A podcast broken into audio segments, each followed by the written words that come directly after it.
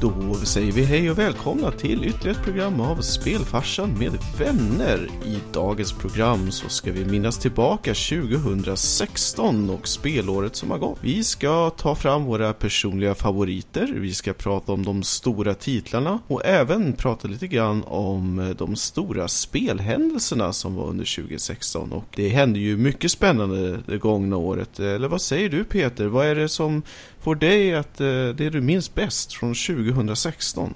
Om man ska säga eventmässigt så är det nog E3. Definitivt. Det var ovanligt coolt förra året tycker jag.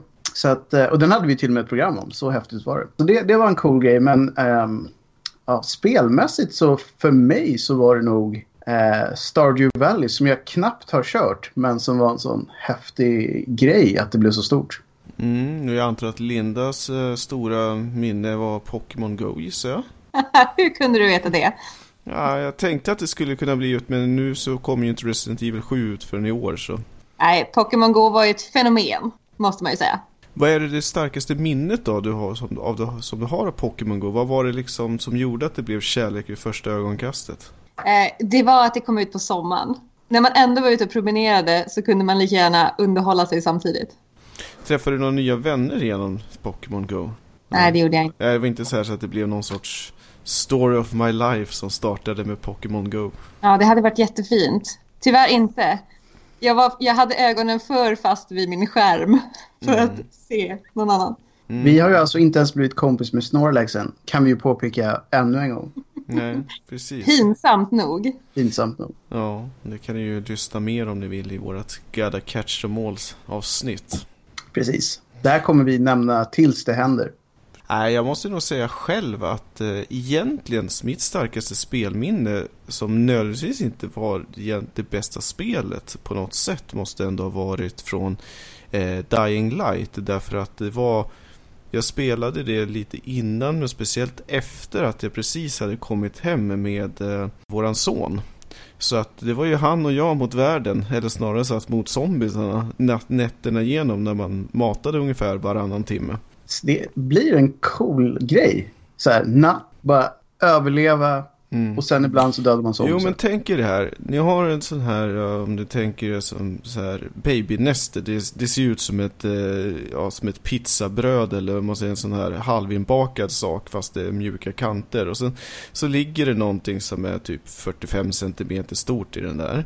Och så sitter du med hörlurat, stirrar in i skärmen och äntligen fått liksom två timmar mellan liksom matpauserna. Och så, så är det där en riktigt klimax och sen så, var, så, så väcks du den här transen känslan av att det är någon som illtjuter bredvid. Det är inte så att man hoppar upp i stolen eller så. Alltså det är nästan värre än VR. Ja, jag hade varit livrädd. Ja. Alltså det Fast måste... man hade suttit med ett skräckspel, jag hade ju sprungit ut. Ja, det och sen förstås alltså eh, avslöjandet av Final Fantasy 7-remaken. Ja, den borde jag kanske ha nämnt också. Den, den glömde jag faktiskt helt bort. Så mycket grejer har hänt. Men cool grej. Cool mm. grej. Ja, Nej, men vi har väl tänkt så här att eh, som jag inledde med att vi kommer riva av eh, våra favorittitlar eller titlar som vi minns bäst från eh, året. Och eh, sen kommer vi gå in på lite annat eh, trevligheter. Men jag tänkte att eh, för ja, ovanlighetens ordning så tänkte jag att Linda kan ju faktiskt få börja med sina titlar från året som har gått. vilken ära! Mm. Eh, jag tror att eh, det spelet som jag tycker har varit mysigt, sen har inte jag spelat så mycket spel i år måste jag erkänna. Men det spelet som jag tyckte var väldigt mysigt var Firewatch. Ja, det var så, jättebra. Ja, verkligen. Det, det, var, det både började och slutade som någon slags kärlekshistoria. Det inledde ju extremt eh, ledsamt. Ja, Eller verkligen. nedbrytande liksom så här. Ja, min fru har dött och jag är... Ja, hon, är, hon dör ju inte. Nej, hon är inte död, men... Ja. Hon har väl typ cancer eller något. Alltså hon var sjuk på något sätt.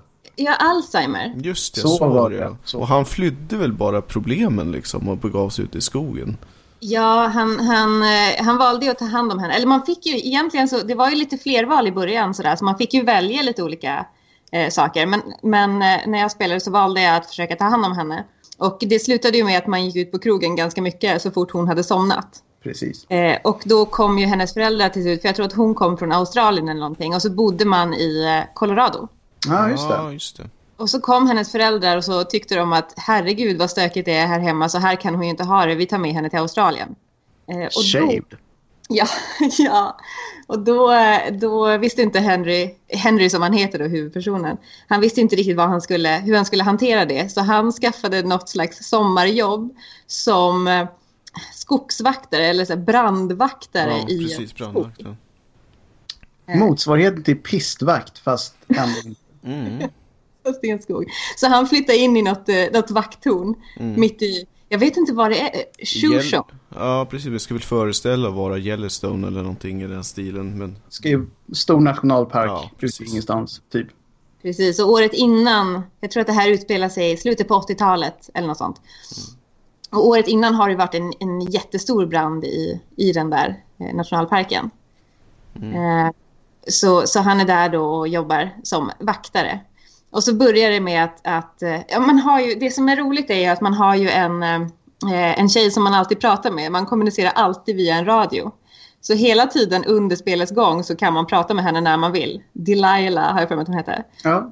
Men Eh. var inte hon typ hans chef på något vänster? Precis, så hon hjälper ju honom när han ska hitta till ja, vart han ska vara och titta på grejer och sådär. Och eh, eh, jag tror det till och med redan första dagen så får han så ser hon att det skjuts eh, fyrverkerier i parken och det är ju strikt förbjudet efter all, alla bränder som har varit där. Och då, då hittar han två nakna tjejer i en sjö som har Massa ölburkar för mig. massa ölburkar. Och, eh, eh, och han, han, eh, han ser då till att de inte eh, fortsätter att skjuta fyrverkerier och så går han därifrån och är, är supernöjd med sin första uppgift.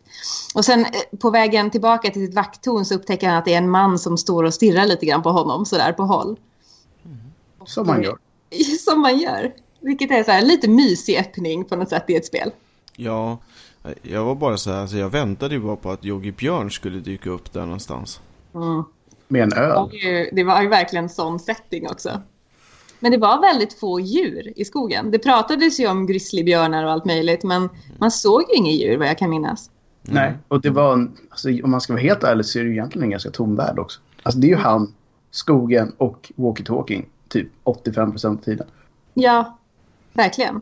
Eh, men väldigt fint, stilistiskt Ja, verkligen. vackert liksom. Det är, Verkligen. Ja, grafiken är ju helt fenomenal. Det är en väldigt egen stil också. Ja. Så den lyckades med det här konstiga att vara ritad men den kändes ganska realistisk på något konstigt sätt. Ja, absolut. Och sen ljussättningen var ju Mm. enormt eh, välarbetad.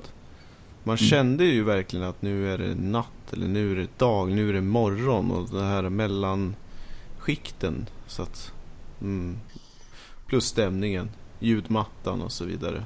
Och, och sen börjar det hända konstigheter om jag inte minns fel. ja, exakt. Sen upptäcker de att eh, det är någon som lyssnar på alla deras samtal som de har i den här walkie-talkien. Och eh, tror ju att det är någon slags konspiration mot dem på något vis. De blir ju ganska snabbt paranoida har jag för mig. Eh, ja, det blir de ju. De har ju en väldigt härlig dialog också. De är ju väldigt skämtsamma med varandra. Mm. Så, De måste ju ha spelat in enorma mängder eh, dialoger. Alltså Ja, inför det här verkligen. spelet. Man kan ju nästan peka på allting. Nu är det ju som ni sa en tom värld. Men allting som är där kan man ju liksom peka på. Och då börjar man ju prata. Och ta upp den här Mm. walkie-talkien och börja prata med henne om allting som finns i den här världen. Ja, och alltså det är ju... Nu är det ju extra viktigt i det här spelet men det är ju väldigt bra röstskådespelare.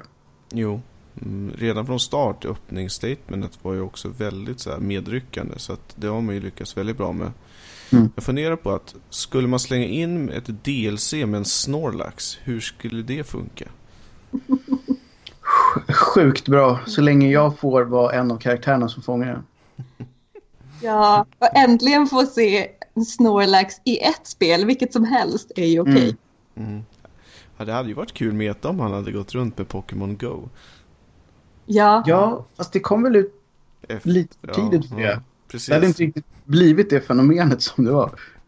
Vilket spel var det när han, han gick hem och spelade, var det, vad fan, Crash Bandicoot? Nej, inte det, men Jo, i... ehm, I uh, Uncharted så spelar ju han uh, Crash Bandicoot. Mm. Är det? Mm. Ja, yep. just det. Eller man kan till och med spela Crash Bandicoot i Ja, jag tänkte säga det. Jag tror faktiskt Uncharted. att det är hela spelet i. Ja. Just. In, inpetat. De gör ju det lite då. Mm. Jajamän. Sånt gillar vi. Mm. Mer då, förutom Fireforge? Mm, ja, jag tycker ju att Inside också är väldigt mysigt. Limbo uppföljaren eller vad man ska säga. Mm. Väl, och det är ju också väldigt stämningsfullt. Men det är ju i princip som Limbo. Fast de har lite röda element ibland. Okej. Okay. Så att de gör Kinders samma... lista alltså då? ja, exakt. Är det samma studio? Eh, ja, det är det. Då vet man ju att de får till stämningen. För att om det är något Limbo är så är det ju rullat i stämning. Ja, det är det verkligen. Och det här är ju mer, lite mer så här springa för sitt liv på något sätt. Man är ju rädd hela tiden. Men det var man väl i Limbo också? Den där jäkla spindeln kommer ju vilja äta upp en hela tiden. Ja, det är sant. Den var ju väldigt obehaglig. Tills man ryckte av benen på den och rullade ner den på ett gäng taggar. Men innan dess var den sjukt läskig. innan dess var den sjukt läskig. Ja. Lite småtaskigt det där med benen kanske. Men... Ja. Vissa saker förtjänar. Mm. Spindlar framförallt. De har ju så många ben ändå. Var det lika utmanande som det första spelet? Eh, ja, det tycker jag. Det är bra. Ja. Ja, för Limbo var väl inte på något sätt enkelt? Det var alltså, Limbo är jätteenkelt om man har spelat det en gång tidigare. Första mm. gången är det ju typ helt omöjligt för att många av grejerna är ju så pass gömda så man bara dör. Mm, okay. Sen så när man vet att det ligger en rävsax precis bakom det trädet och så här, då är det inte så svårt. Då kan man ju bara hoppa över. Men det är just att de är väldigt, väldigt bra på att dölja det som är farligt eftersom det bara är mörkt allting. Ja. Men på något sätt så lyckas de ändå få till att man inte blev så där extremt irriterad som man kan bli ibland när spel är orättvisa. Utan det känns att så här, ah, men nu vet jag det, nu ska jag försöka lösa det här pusslet. Mm. Nej men precis. Men det var väl stämningen som gjorde det. Det var, det var så mysigt att spela det även om man dog hela tiden. Ja, alltså det var ju inte bara att man dog. Det var ju så extremt brutalt och kladdigt också. Men ändå tänkte jag så här, det här är ganska mysigt. Lite som Super Meat Boy då. Att det blir mm. slabbigt när man dör. Ja, jag kollade faktiskt upp um, egentligen inför förra avsnittet som ju var pusselspel. Men uh, just vad folk hade tyckt om Limbo. Eftersom vi tycker att det var mysigt och stämningsfullt sådär. Uh, det verkar som att ganska många håller med om det. Men sen finns det också den här lilla klicken som tyckte att det var helt horribelt. Uh, just för att det var så äckligt. Och att det var en liten pojke man spelar som. Och det, så fort det är små barn med och att de kan dö eller bli skadade på något sätt så blir det alltid väldigt stark reaktion. Mm, ja, eh, naturligt nog, såklart. Så är det ju även i, i Inside. Man är ju också en liten pojke där. Mm. Men det har ingenting med liksom storymässigt att göra med Limbo. Ja, men jag ska vara helt ärlig så minns jag inte Limbo superväl rent storymässigt. Den har ju ingen utskriven story överhuvudtaget. Så det kan ju vara därför. Ja. Man får ju typ bygga ihop den helt på egen hand. Ja, det är svårt. Men man märker ju verkligen att det är samma. Ja, det är svårt för Limbo, nog för att jag vet att eh, grafiken är eh, stilbildande, men jag hade mm. svårt för det här svartvita. Alltså jag, jag, jag, bara tröttnade liksom på det. Men mm. jag hade kanske för dåligt, eh, vet det, jag kanske var för rastlös när jag spelade möjligen. För att man måste vara på rätt humör för det första. Sen är det ju såklart så att det är inte ett spel som funkar för alla. Så här. Många gillar det, men det måste ju finnas folk som det inte är för också. Mm. Apropå gilla då Peter, vilka, vilka titlar har, har du på din eh, lista? Um, ja, jag skulle ju egentligen vilja ha många titlar på min lista. Men om man får välja några så hintade jag redan i början av programmet om Stardew Valley. Mm. Sen var det ju Final Fantasy 15 mm. och eh, Gears of War 4. Men om du ska berätta lite mer om Gears kanske, för det är ju en serie som vi har pratat väldigt lite om i, generellt sett då genom våra avsnitt. Mm, nej men absolut. Eh, jag har ju spelat den här serien sedan första spelet kom ut 2006 tror jag. Eh, och den här serien skulle egentligen varit slut. Det var ju tänkt att vara en trilogi från början och eh, den studion som eh, gjorde alla de spelen eh, gjorde klart dem och sa i stort sett nu är vi klara. Men då kom ju Microsoft och köpte hela franchise. Så, ja eh, och då så fort de köper ett franchise vet man att det här är bara början. Och eh, exakt så blev det. Så att det här är ju första spelet i en ny trilogi. Som jag förstod det. Så det är lite som Disney. De gör ju också sådana grejer. köper en de serie gjorde en, och... De gjorde en Star Wars helt enkelt. Ja, en liten sån där udda franchisefilm som man inte bryr sig om. Ja, mm, om. enda som kanske är annorlunda här är ju att de eh, liksom på något sätt snodde tillbaka talang för att eh, flera stycken av dem som var liksom kärnpersoner i eh, det ursprungliga företaget köptes ju över till den här nystartade studion och eh, fick ju typ tillbaka samma uppdrag som de hade haft på sitt gamla företag. Så att det känns väldigt Gears på många sätt just för att det är samma personer bakom bara att de är anställda av Microsoft nu istället. Mm. Så att, eh, nej alltså jag tror det är väl lite som, har man lärt sig cykla så vet man vad man gör. Det är inget så här, det är inget spel som är mindblowing på något sätt för folk som har kört Gears förut. Men det är ett välgjort spel. Eh, och man har kul när man spelar. Är det det som har brödrosten?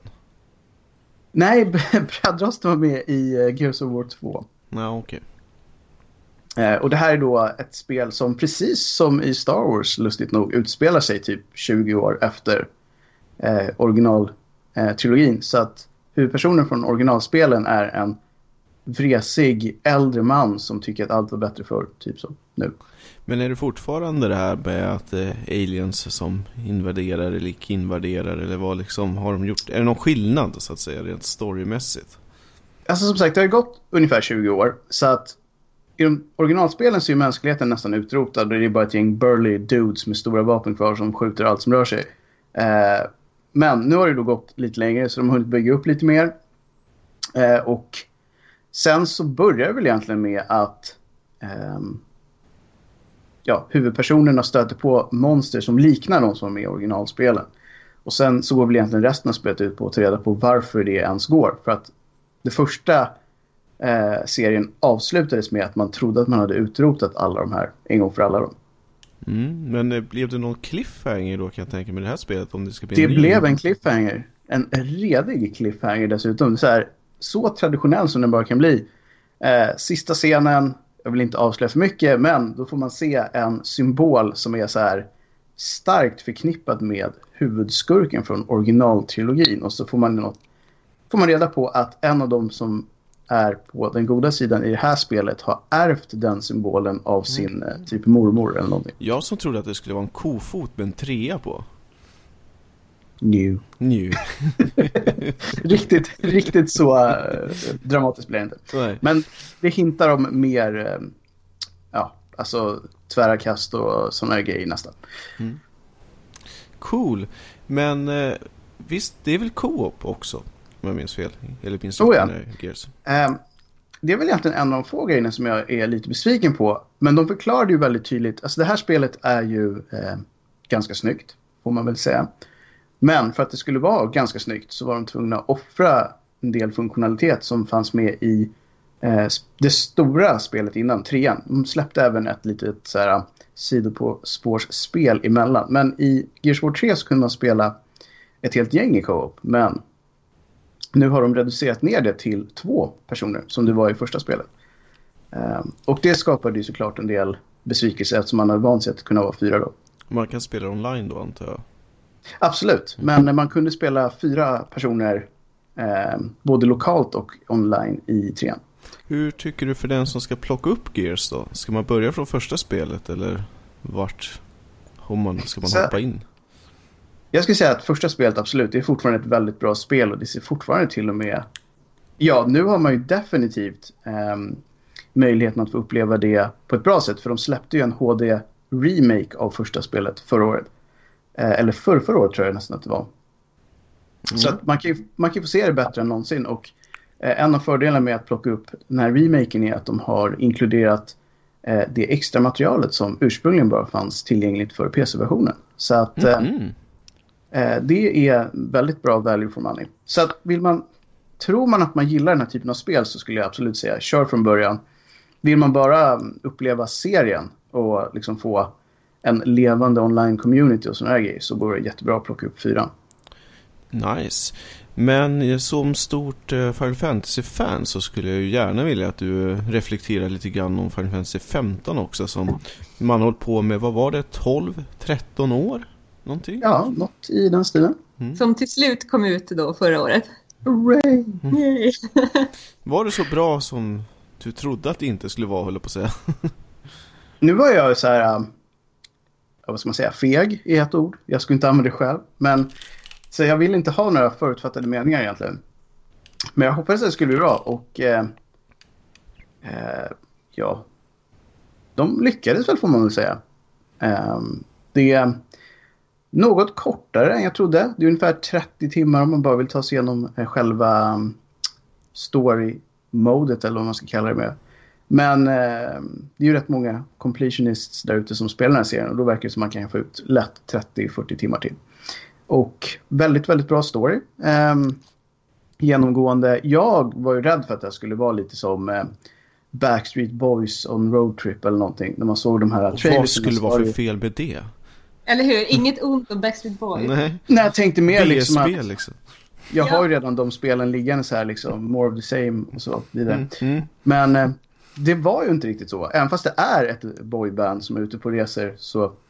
Det, det är väl till och med kungligt boyband höll jag på att säga. Vad skulle jag inte kunna säga? Prince and his crew. Mm. Utan att... utan att ljuga.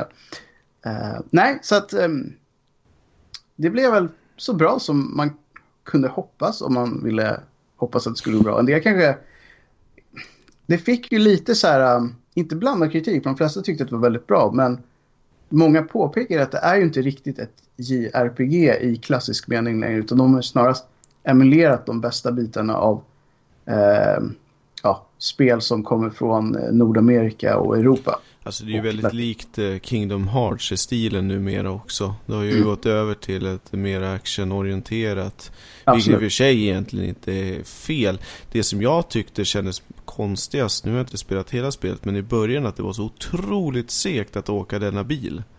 Det var ju verkligen minuter, sju minuter liksom att ta sig för ett plocken av blommor och sen åka tillbaka. Liksom. Mm. Nej, jag håller med. Den där bilen, den, den blir ju dessutom i slutskedet så är ju det ens luftskepp liksom. Så mm. det byggs och byggs och byggs. Däremot en grej som var och är potentiellt farlig med det här spelet att de slänger ihop fantastiskt mycket mat. Och den ser så här extremt bra ut. Mm. Så man blir ju alltid småsugen på att gå iväg och steka upp något när man sitter och tittar på det här. Ja, jag vet. Jag hörde en reportage om det. För att det är väl, man boostar ju lite stats och så genom att käka. Mm. Och, det, och det är verkligen som du säger, det är riktiga rätter. Alltså det är inga så här hittepå varianter. De hade ju för övrigt en Final Fantasy 15-meny på Oh, det har jag glömt vilken restaurang det var i Stockholm. Men det var någon. Alltså de har kört ja. det, jo, på Jamie Olivers. Just det. Alla hans restauranger körde ju den här menyn, även fast i andra länder. Alltså jag har full förståelse för det, för jag tror man kan samla på sig, nu har inte jag full koll, men det är massa recept. Alltså verkligen mm. massa recept. Och det är alltid det att de sätter upp sina små tält, de tänder mm. en lägereld, så står det en snubbe och steker upp. Och sen får man se tallriken så här inzoomat och allt ser jättegott ut. Mm. De, Audi sålde ju en Final Fantasy 15-bil. Alltså, det, också. det där ska jag vara och det, helt Var det här bilen som blev ett rymdskepp i slutet? Ja, exakt. Fast innan bilen blev ett rymdskepp.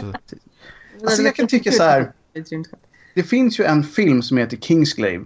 Mm. Som egentligen är det som utspelar sig precis innan det här spelet börjar. Sista scenen i filmen utspelar sig sekunder innan första scenen i spelet. Som Crisis Core alltså? Ja, exakt. Precis mm. samma koncept. Men någonting som störde mig riktigt, riktigt mycket med den filmen var att helt plötsligt så bara glider snubbarna in i en Audi. Jaha, och? Och bara kör omkring lite. Och det är så här en värld som inte har någonting med vår att göra. Men det är en Audi på alla sätt. Det finns ju ingenting som inte är. och det är deras senaste Audi. Och dessutom så gör de reklam för typ eh, något japanskt flygbolag. Så jag kände igen loggan på en gång. Och var så här, mm. den där har jag sett. Jo, fast det där tror jag är en trend som kommer lite grann. Titta på senaste Super Mario till exempel. Mm. Som ska vara i någon sorts eh, nutidsrealism, urban mm. setting och så vidare. Jag tror att det där, hela den här urban fantasy-trenden har ju slagit extremt stort. Du bara titta på eh, alla filmer som, har, som bygger på samma koncept. Eh, ja, allt från eh, Twilight till, eh, vad heter det, Instrument Bones någonting. Eh, i, ja, i alla fall. Och det är väl lite så konstigt att det då kommer även in i, eh, i spelen. Nej, alltså. Jag kan på ett sätt förstå det, men det tar... Jag kanske är värsta traditionalisten, men för mig så plockar det ut mig ur fantasin på en gång när kungen och hans homies rullar ner för en trappa och öppnar en Audi R8 och sätter sig. Ja, jo, visst gör det det. Men det, vi har ju redan stipulerat att det här är inte ett traditionellt Final Fantasy på något sätt. Det är sant. Det är bara Chocobon alltså, som är kvar liksom. På någon dag. Och snart så kommer den sitta i en liten bur och sen till slut blir ett gosedjur som egentligen ingen vill ha. Så hamnar under sängen och till slut så rullar du din fina R8 och den här stackars Chocobon den har du trampat ner i liksom handskfacket. Don't say that man. Nej, men det är därför som jag säger att det var bättre förr. Ja, det är alltid bättre förr. Mm. Jag tror det var därför den här podden existerade. Exakt, och det är därför jag ska slänga in mitt första favoritspel under 2016, vilket var I am Setsuna, som är en rak eh, retroreaktion till dagens tramsigheter som de håller på med.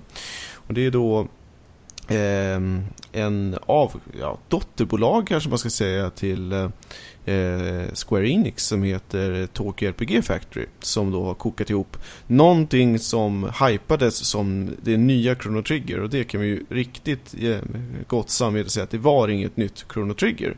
Men det var ett väldigt gott försök med tanke på budget och så vidare.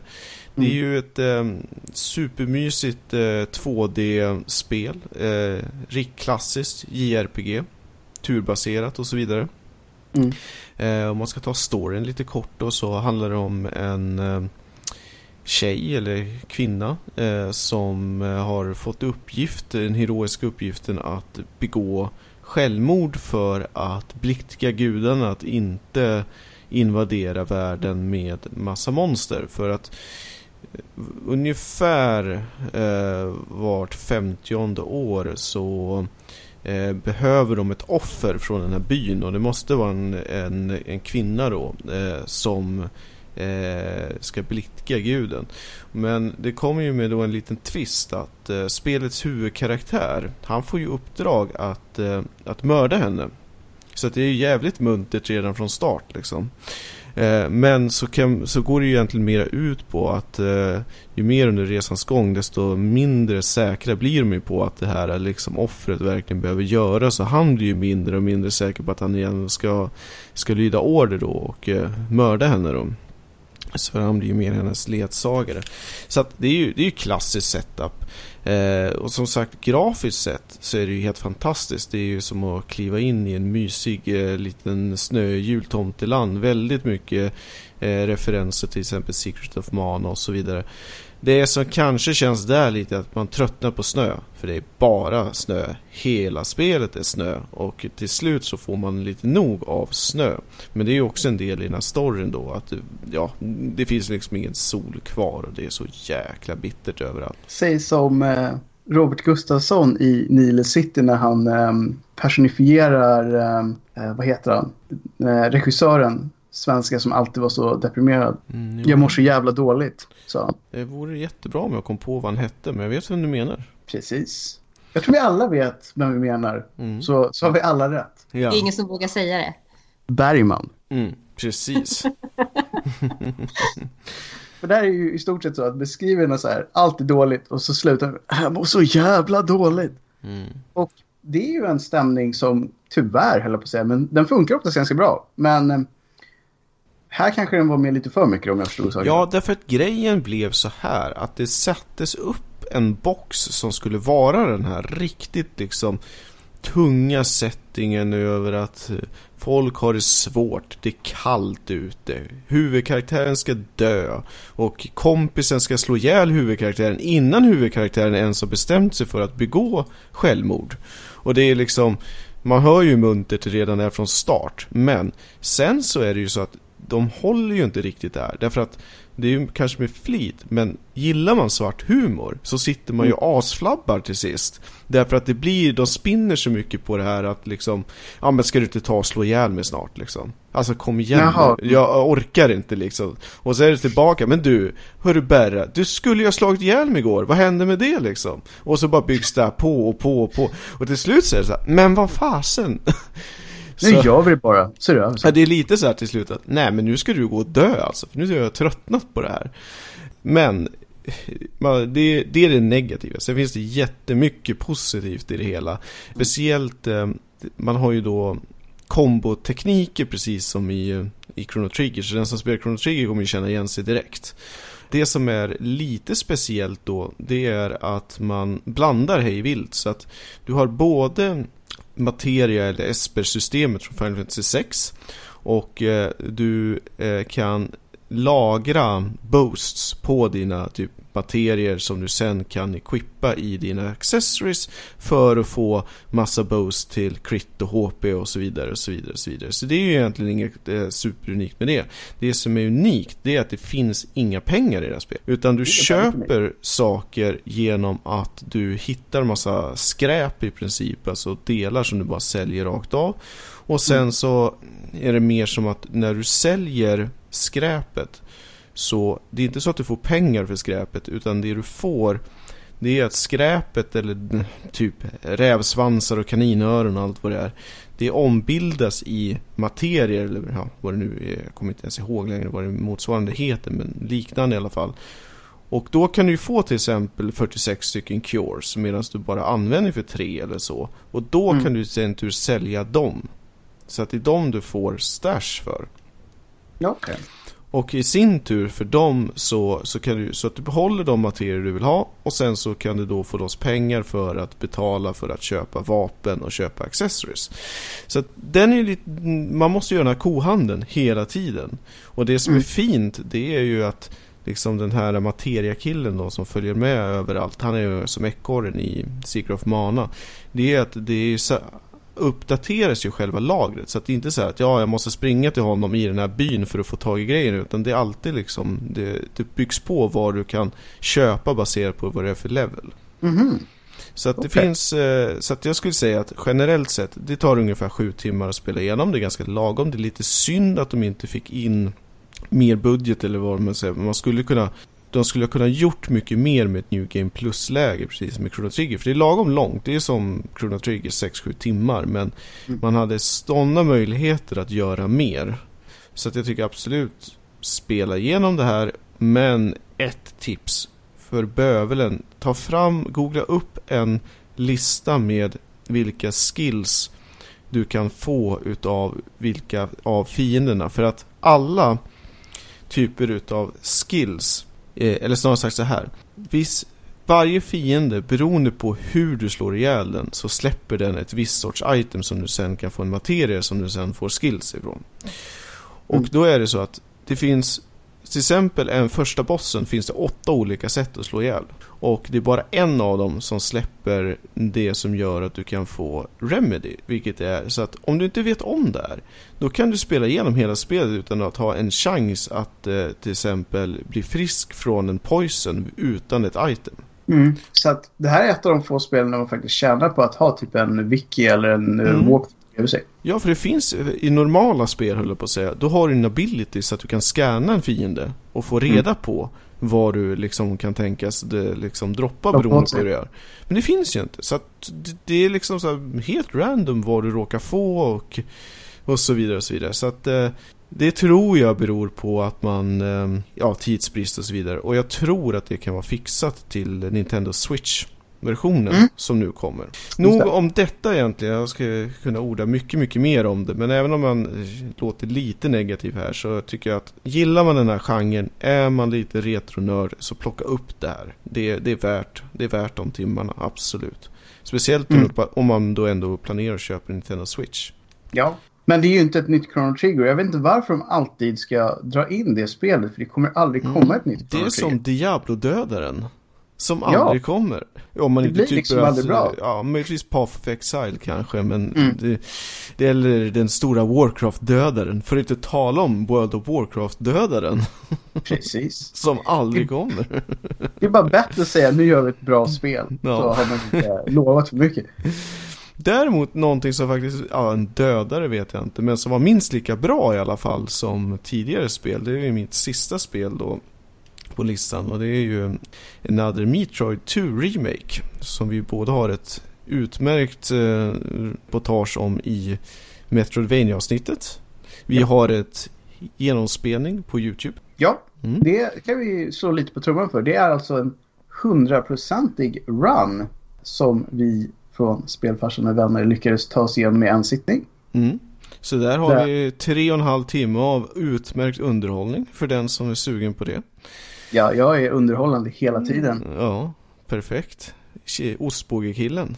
Men lite kort om spelet. Det här är ju då en indieutvecklare som har suttit i åtta års tid och eh, gjorde om Metroid 2 till Gameboy som då är svartvitt eller i ja, monofärger då till Gameboy Color till att få helt ny grafik, lite nya områden, helt ny uppsättning utav eh, beams och eh, introducera supermissiler och så vidare. Så att i praktiken så är det Super Metroid i Metroid, Metroid 2 eh, setupen. Man har lagt till vissa områden och så här. Och helt utan att överdriva så känns det minst lika bra som om Nintendo själva skulle ha gjort det. Ja, alltså det är ju helt fantastiskt hur han har lyckats polera det här spelet egentligen. Det, det känns verkligen som en produkt som vilket större spelföretag som helst mm. under den perioden hade kunnat släppa. Och för att ge en liten referens till hur pass eh, polerat det är så är det, var det minst lika troget till originalet och kändes lika mycket Nintendo som till exempel Pokémon Uranus Mm. Eh, som eh, laddades ner av två miljoner personer innan Nintendo eh, ströp. Ja. Och det var ju samma sak här. Den här stackaren då. Åtta år av hårt arbete. Han fick ha det i två dagar i färdigt mm. skick innan Nintendo var på honom. Så jag tror det var två veckor innan man var tvungen att stänga ner det helt och hållet. Ja, och vi eh, officiellt står vi ju inte för det här men det kan vara så att man kan hitta det här spelet. Mm. Prova googla lite. Mm. Jag har hört ett rykte om att det finns där ute. Ja, Ja, det är en sån där människa som man liksom önskar att de här stora bolagen skulle kunna vara lite, lite smartare och säga så här. Du, nu gör vi så här. Du får komma och jobba hos oss. Vi tar din pryl. Vi blir svinigt äckligt ännu rikare än vad vi någonsin blir på att bara ge ut det här i 14 olika varianter. Du får mm. antagligen inte särskilt mycket men du kan, du kan få lön och lunch eventuellt liksom. Här har du en semla, var nöjd. Ja, du får ett namn kanske i slutkreditsen om du har tur liksom. Ja, alltså, det kan ju inte kosta dem mycket och nu pratar vi liksom inga små spelföretag här heller utan de stora, riktigt stora till. Så att, och den här killen hade ju säkert blivit helt salig om någon hade hört av sig. Ja, precis. Jag har gjort mina tappra försök att nå ut till honom. Jag skulle gärna vilja ha med honom som gäst. Men eh, det är lite svårt att nå fram ända till Argentina. Vi får åka dit helt enkelt. Ja, utmärkt semester i, i Argentina. Vi gör det för en nobel sak. Ja. Exakt. Det är ett fantastiskt spel. Det är väl egentligen bara det man ska säga. Stor eloge till den här hjälten och det blev riktigt, riktigt mm. bra. Doktor M64. Liksom. Mm. Ja, det var listan det. Ja, i alla fall våra personliga ja, lista. Våra lista ja. Ska vi dra igenom en lite mera de här spelen kom faktiskt ut 2016-lista? Det tycker utan jag. Att för den delen säga att vi har spelat alla de här spelen. Mm. Eh, om jag då bara kör igenom ett gäng som, som var med på väldigt många topplistor och även Metacritics-listorna så var det följande. Uncharted 4 låg väldigt högt upp alltid. Witcher 3 och då pratar vi Blood and Wine, alltså DLC. Overwatch var en stor grej förra året uppenbarligen. Sen har vi Dark Souls 3 som ju har sin egen lilla nisch. Titanfall 2 som ju fick bra kritik men jag trodde inte den skulle hamna så högt upp på listorna. Och sen har vi Battlefield 1 som var retro första världskriget. Rise of the Tomb Raider 20-årsspelet som jag faktiskt inte riktigt vet om det är en remake eller om det bara är i så här, samma anda som de förra. Dishonored 2, XCOM 2, The Witness, Dirt Rally Doom som ju eh, vissa här har spelat här mm, Jajamän. Och sen har vi Ori and the Blind Forest Definitive Edition. Och det har jag pratat om tidigare. Ett jättebra spel. Sen några som var lite mera uppe i toppen för just Xbox One var Killer Instinct säsong 3 som tydligen kom ut under förra året. Och även Firewatch var väldigt populärt på just Xbox One. Mm. Vi ska ju säga också att de här andra titlarna vi har pratat om, i alla fall som Final Fantasy 15 och Gears of War 4, så mm. klassar ju förstås in på den här listan också då. Ja, och sen finns det ju en del liksom som Darkest Dungeon och Starbound och sådär också. Så det, fin det, finns många fler, men det här var ett gäng av dem som kom ut förra året. Mm. Och jag tänkte att om man börjar lite där i toppen av listan, eller egentligen ingen direkt rangordning så, så Uncharted 4 var ju anses väl fortfarande vara det snyggaste spelet till dags datum på PS4. Ja, jag förstår det. Det är, det är riktigt, riktigt snyggt. Det är ju väldigt eh, mycket film om man säger. Det är ju mycket, lite, inte, eller ja, det lite mindre spel och lite mera film om man säger så. Ja, alltså jag tror att de föll lite för det som de alltid gör. När man väl kan göra någonting som är sådär sjukt snyggt så vill man göra någonting som är sådär sjukt snyggt. Och då blir det gärna mycket film. Mm. Särskilt om man har en gigantisk budget som de här säkert hade. Vilket egentligen jag tycker inte är fel. Bara man rätt inser det är som att spela alla Metal Gear i Solid innan ja, femman då. Så, mm. Som också för övrigt kom ut förra året. Men i alla fall så där var det ju liksom ja, en timme gameplay och eh, tre timmar mellansekvenser. Ja, och det är inte ens en överdrift. Nej, nej. Det är ungefär så det är. Uh, ja, sen så just med Uncharted 4 så ska man kanske säga att det är ju slutet på den serien. Just det. For now. Han ska ju, egentligen ska han ju sparka, eller han har ju sparkat av sig skorna och liksom lever familjelivet när storyn mm. drar igång. Mm. Sen är det ju hans elaka bror som drar ut han på ytterligare ett sista äventyr liksom. Den här brodern som man ju alltid har hört talas om. Nej, just den. är det han? Jag såg något eh, klipp från det här spelet. Är det han som ser ut som han Dylan i Beverly Hills? Absolut. Nu när du säger så. Mm, han är väldigt lik. och precis som Dylan var lite av en värsting och hade suttit inne. Mm, han hade ju verkligen suttit inne. han hade ju blivit skjuten och allt möjligt jox. Japp. Så att, visst, det var väl kanske lite så här, hur ska vi få in dem i den här undervärlden igen? Ja, ah, den här brorsan som mm, alltid the har evil twin brother. Ja, det hade väl varit det enda som hade kunnat göra ännu mer klyschigt om det hade Fast, varit en exakt. För att jag tycker det är bra det de gjorde i spelet. Det är den här relationen han har till sin flickvän. För han vill ju inte tala om för henne att, att han ger sig ut på de här äh, äventyren igen. Utan han säger ju att han ska på semester om jag minns rätt. Ja, de är väl till och med gifta i sista ja, spelet. Ja, just det. De är till och med gift sig och då Ja, han lovar ju dyrt och heligt att han inte ska liksom göra det. Och just det här hur, hur hans frustration över att han kämpar ju med sig själv. Att han vill ju hjälpa sin bror men han har ju lovat henne att inte göra det här. Och så gör han det ändå. Och liksom hans sammetskval. Och, alltså så att det här känns ju som faktiskt riktiga känslor någonstans. Men det blir lite som i de här senare Tomb Raider-spelen som är bra spel. De våndas över liksom alla de här små grejerna. Men under spelet så skjuter man ju ihjäl så här 600 personer utan, utan vidare. Bara älskling du, det vart marsmord ikväll igen. Men, men alltså jag har här... inte köpt mjölk. det blir ju jättekonstigt. Bara shit, jag måste ut och stjäla igen. Jag dödade halva Asien. Men du vet. Låt oss spela lite Crash Bandicoot. Ja, precis. It's all good. Liksom, han har varit med om den värsta, mest traumatiska upplevelsen någonsin och liksom tortyr och fasen hans ja, moster. Ja, ja. Och så kommer han hem och då spelar han Crash Bandicoot och så är allt glömt liksom. Det är lugnt. Alltså, jag, jag, kommer aldrig glömma klichén från det första av de nya Lara Croft-spelen. Att typ så här, man bygger ihop sig en liten pilbåge och skjuter ett rådjur och det är så här, riktigt snyftare. Två minuter senare så sular man handgranater in i ett läger. Och inga kommentarer överhuvudtaget. Ja, men eh, det kanske är någon form av ja, jag ska säga, galenskap där. Att man eh, har empati för djuren. Men människorna, de... Nej. nej. Jag var lite, lite tårögd när de sköt det där djuret, det kan jag säga. Mm. men det är ju också, säger ju lite grann om att man har blivit så blasé för de här uh, virtuella kropparna som är bara där för att man ska leva ut sina mordlystna instinkter. Men när de stoppar in, som du sa, vi var inne på tidigare, barn eller liksom djur eller för att inte tala om gulliga katter. Nog fasen, då fälls det tårar liksom. Ja, men ja. det är ju Bambi all over again. Mm. Man kan de inte där stora det. ögonen. Mm. ja. Det kan man inte göra något åt. Mm. Precis. Nej, men så är det ju.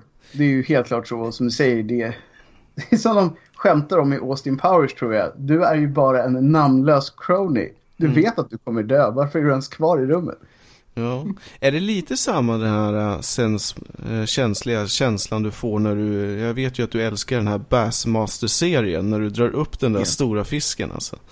Alltså man känner ju, det är ju blandat liksom, man bara, det här, det här är en fisk som ska monteras i jaktstugan i Värmland. Mm. Samtidigt tänker man så här, här fisken bad inte om det här liksom. Mm. Vad hände där på fronten nu under 2016? Kom det något nytt schysst fiskespel?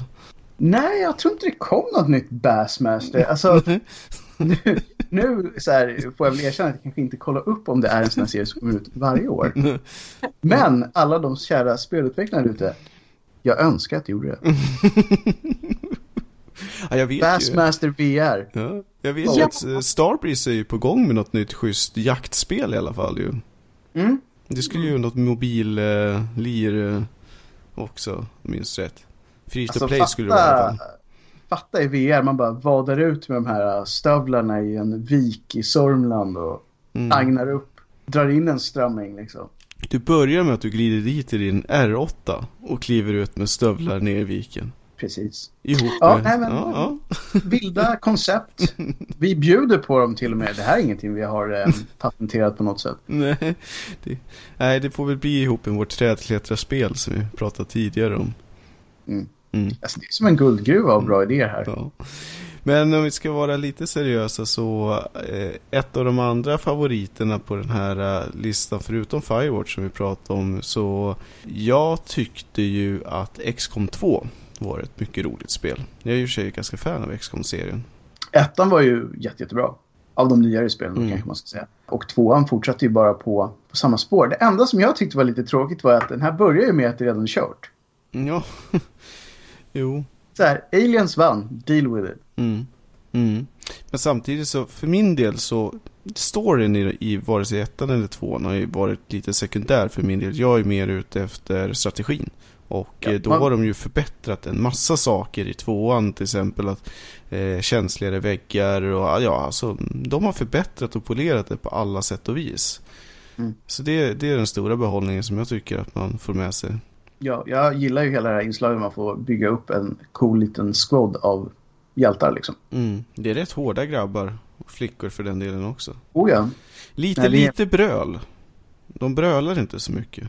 Nej, det är sant. Oj, inte så Mer mycket... kära agrobröl. Ja, man vill ha ryggdunken och de här huja och lite andra sådana här saker. Mm. Mycket gears. Egentligen, jag tror att det kan bero på att det var en och annan eh, icke dudig dude med i det där spelet som mm. blev awkward. Då höll de igen. Ja. De, de, visste att de skulle få skäll när de kom tillbaka till basen. Mm. Vi skämmer ut oss där ute och det kan man ju inte ta. Ja. Dishonored då, det är en eh, serie som har eh, fått mycket både ris och ros. Speciellt för sin lansering var det ju lite ris på PC-sidan mm. minst sagt. Ja. Jag ska man säga, jag kan förstå folk som inte gillar den serien. Alltså det är ju en väldigt speciell typ av spel. Det är ju ett mångt och mycket ett stealth-spel. Eh, och det var det första spelet också. Och, men det gillar man lite steampunk, lite dystopiskt för det kan man inte riktigt ifrån.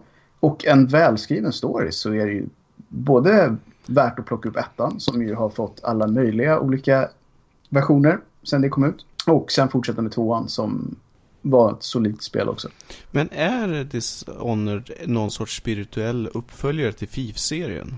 Nej, det, jag trodde det när det första kom ut, men sen så kom ju det ut ett Thief-spel till efter det. Mm. Som var helt värdelöst. Men det var ju fortfarande ett Thief-spel. Så att jag tror mer att det är så att de tog det bästa från Thief-spelen, la på en riktigt bra story ovanpå det och skapade ett nytt franchise. Så de gjorde ett bra Thief-spel? Ja, mm. och eh, jag är den första att säga att de original Thief-spelen är helt briljanta. Så de är fortfarande värda Jo, jo, men... visst, det ska man säga. Mm. Men, men det senaste var inte riktigt lika bra just för att de gick ifrån grundkonceptet med att det mm. lönar sig att smyga. Mm. Mm. Dark Souls har vi klinkat lite på, i alla fall du Peter va? Ah, inte trean så mycket Nej. faktiskt. Jag har däremot klinkat lite på de andra spelen i den serien. Inte alls på det sättet som många Dark Souls-fans har. De har ofta spelat igenom spelet liksom 10 plus gånger och eh, försökt med alla möjliga olika builds och strategier och hittat varenda liten item i hela spelet. Jag har bara spelat det eh, lite grann. Men det, det, är en väldigt bra serie och trean fick ju fantastiskt bra kritik av alla som gillar serien i stort. Så att eh, jag gissar att har man gillat de tidigare spelen så stormtrivs man i trean också. Mm. Det är ju också sådana spel som har varit uppe mycket för speedrun-scenen och överallt, överlag där att jaga rekord kan jag tänka mig är en stor grej. Ja, de hade ju eh, en sån sittning nu bara för någon vecka sedan ja. när de körde. Eh, och då fick man ju, om man tittar på den, smakprov på rätt många sneaky. Mm. Det går alldeles utmärkt att uh, söka på uh, Awesome Games Don't Quick eller AGDQ mm. på YouTube, så, eller Twitch för den delen, så finns uh, de har det lätt i deras lista då. Ja, och där får man ju ofta se både de coolaste genvägen men också de som faktiskt gör en rejäl skillnad. Mm. Det intressanta just om vi ska säga något kort om det inslaget var ju det här att de skulle göra en glitch så att de kunde liksom vandra genom kartan eller under kartan och så kraschar spelet för det var tydligen en ganska stor chans att det skulle krascha.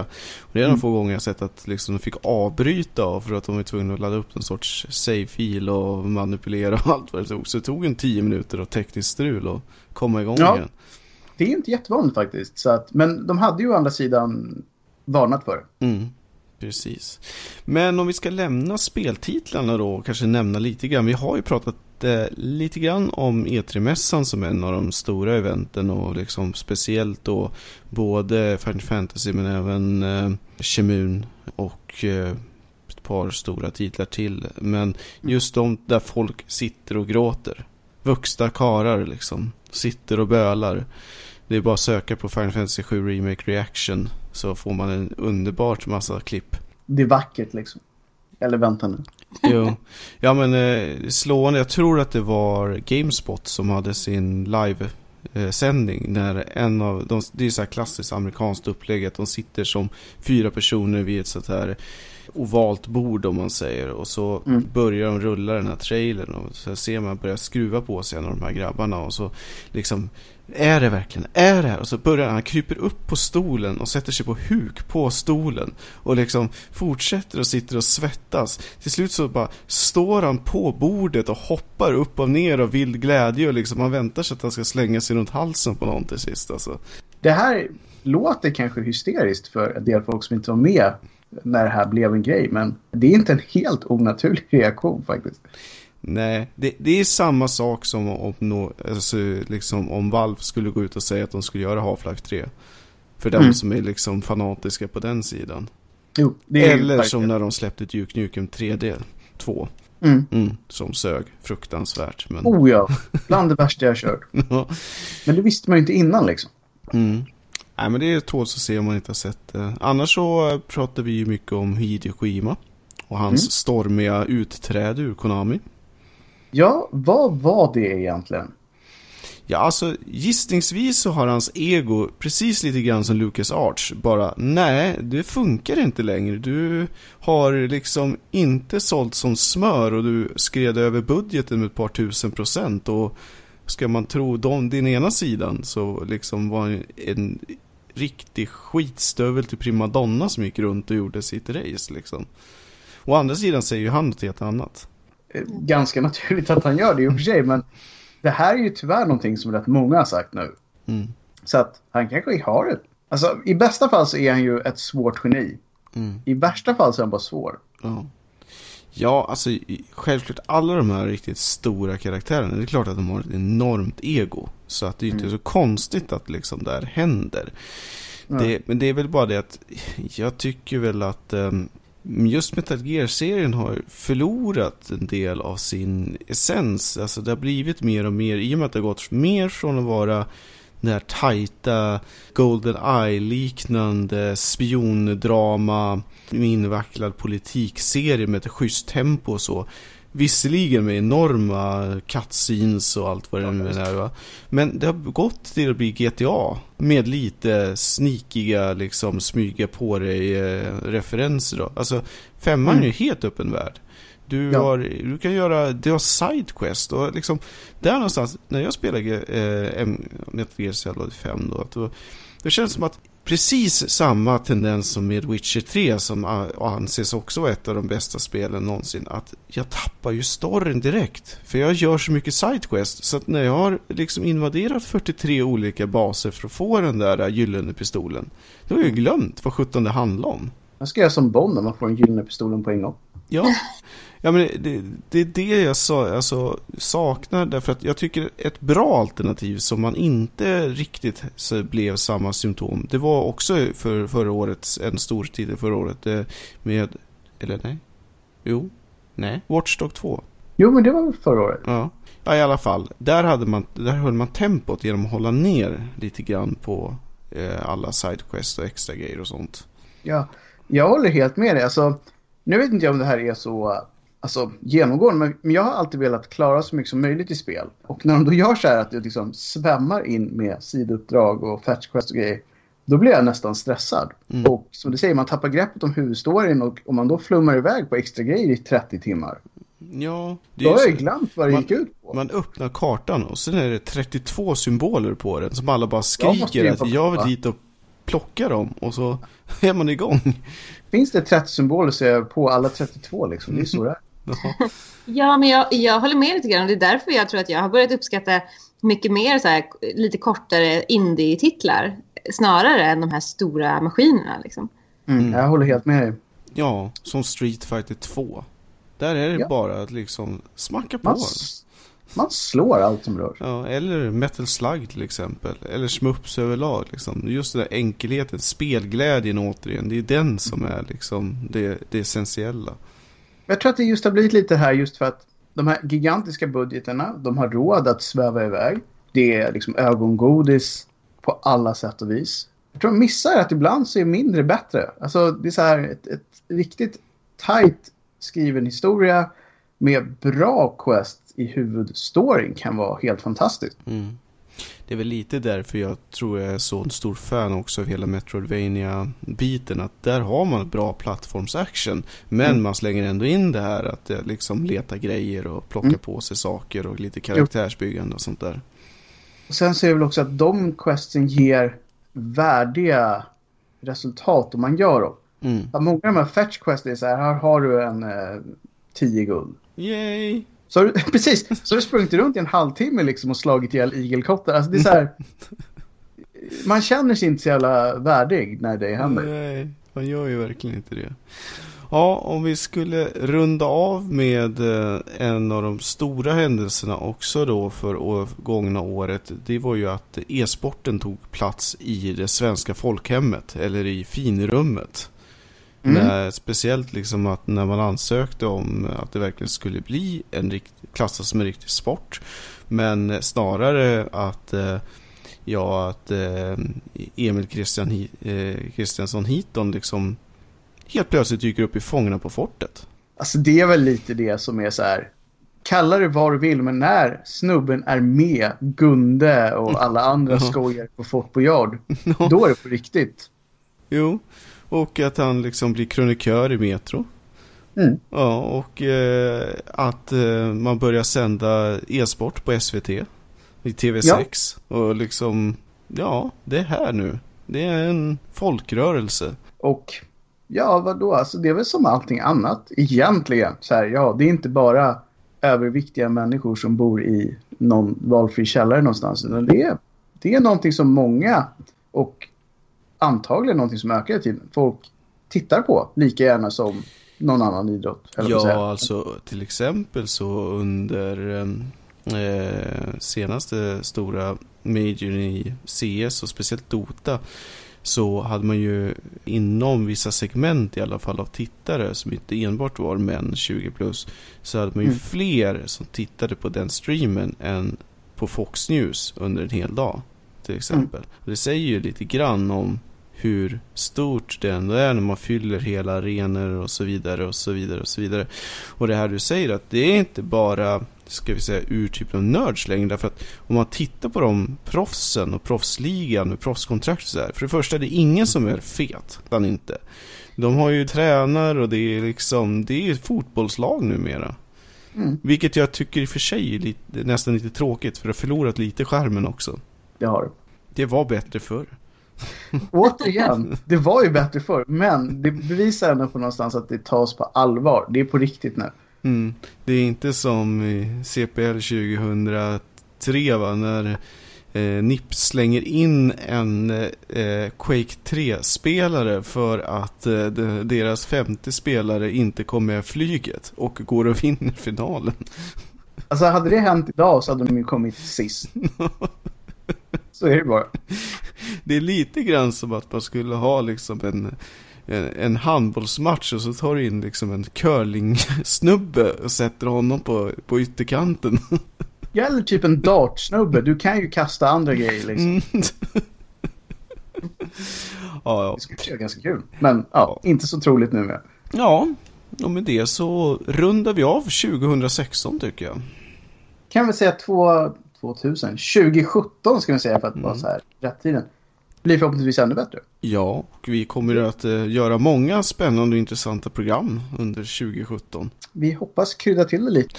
Ja, och med det så säger vi tack och adjö för idag och uh, på återhörande nästa vecka. Hej hej. Hej hej. hej, hej. I nästa vecka pratar vi Final Fantasy 8 tillsammans med Robin. Tack och hej.